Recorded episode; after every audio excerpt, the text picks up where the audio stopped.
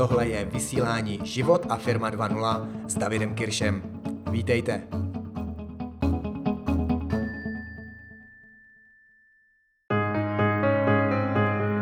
V roce 2010 jsem o e-mail marketingu nevěděl vůbec nic. Ale 2010 byl pro mě ten rok, kdy se mi otevřel úplně nový svět toho, co je možné na internetu díky e-mailu a e-mail marketingu dělat. Co je možné dosáhnout, jak je možné akcelerovat a rozrůst váš vlastní biznis, pokud pochopíte principy korektního, poctivého a chytrého e-mail marketingu. Tehdy jsem už 10 let pracoval jako manažer v e-shopu, ale otevřel se mi úplně nový svět toho, co je díky e-mailu možné.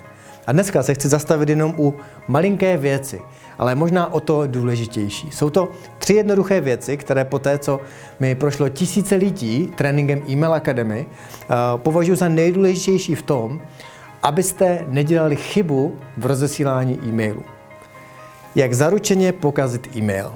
Podíváme se na tři, možná primitivní věci, ale sami si udělejte takový test a podívejte se na váš poslední newsletter nebo poslední e-mail, zda náhodou tyhle nešvary se u vás neobjevují.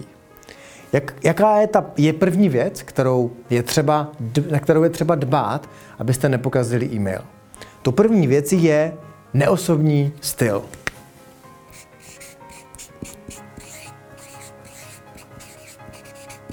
Pokud odesíláte e-maily neosobně, takovým tím tradičním korporátním způsobem, kdy oslovujete vážení, zákazníci a ta, ta, ta, ta, ta, pak samozřejmě jen těžko vyjdete z řady a vystoupíte z těch desítek e-mailů, které každý, dna, každý z nás dostává denně do své e-mailové schránky.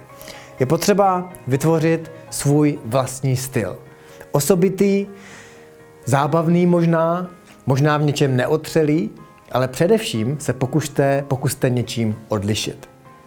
Pokud posíláte e-mail vašemu kamarádovi, kolegovi z práce nebo vašemu tátovi, jak vypadá tento e-mail? A možná to zní divně, ale já vám doporučuji, abyste následovali tento styl e-mailů, pokud to jen trošičku jde, i ve vaší obchodní komunikaci. Pokud totiž váš e-mail bude neosobní, o to méně osobní bude, bude i váš obchodní vztah. Čím více se vám podaří do e-mailu dostat jakousi osobitost, privátnost, velmi intimní rozměr v komunikaci mezi vámi a vaší databázi, o to silnější vztah vytvoříte s vaší komunitou a o to efektivnější bude vaše e-mail komunikace. A proto se dejte pozor na, řekněme, ten tradiční korporátní styl e-mailové komunikace.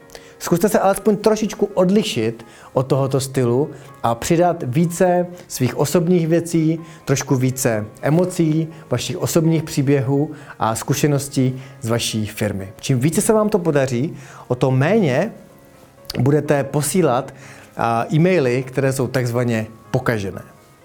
Jaká je druhá věc? Druhou věcí je složitý design.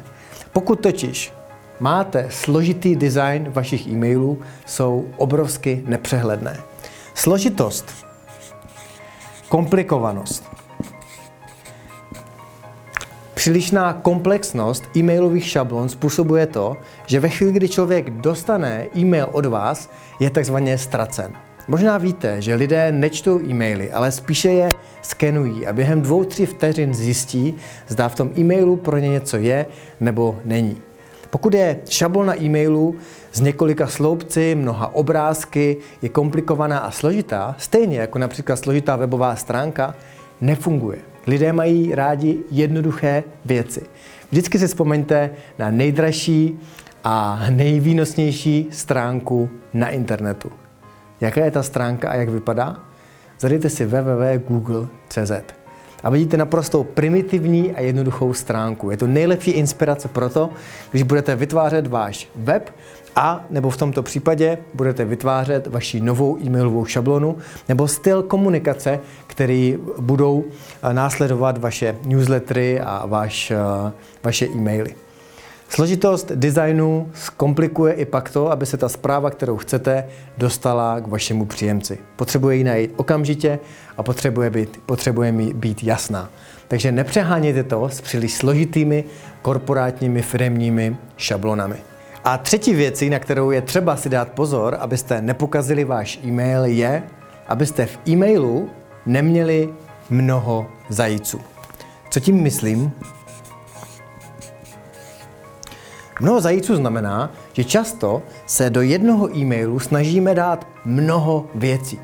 Chápu, chceme sdělit mnoho informací našim klientům, chceme jim prodat všechny naše produkty, chceme jim říct o téhle akci a o tom, že mají přijít sem a koupit si ještě něco. Jenže na to není e-mail stavěn. V e-mailu potřebujete jasně definovat jednu klíčovou věc, jeden hlavní záměr vašeho e-mailu a na ten se zaměřte. Nikdy nedávejte více odkazů na různé věci do vašeho e-mailu. Zaměřte se vždycky na jednu hlavní věc a na tu umístěte více odkazů, ale mějte vždycky jasno, co je ta první nejhlavnější věc, na kterou chcete, aby lidé proklikli a dostali se z vašeho e-mailu. Je to jako s těmi zajíci. Pokud honíte tři zajíce, nejspíš nechytnete ani jednoho. A tak se soustřeďte na to, co v daném e-mailingu, v daném newsletteru je pro vás to nejdůležitější, na co se zaměřit a tenhle jeden odkaz nebo jedna věc ve více odkazech je to, na co se v dalším e-mailu zaměřte. Snad vám tyhle tři věci pomůžou k tomu, aby další váš e-mailing byl trošku jednodušší, efektivnější a úspěšnější. Držím vám v tom palce.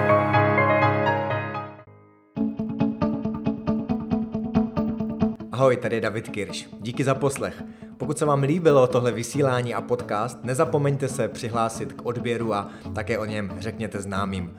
Pokud chcete více podobných tréninkových videí, know-how, motivace a inspirace pro váš biznis a podnikání a taky život, běžte na www.davidkirsch.cz a na stránkách se registrujte.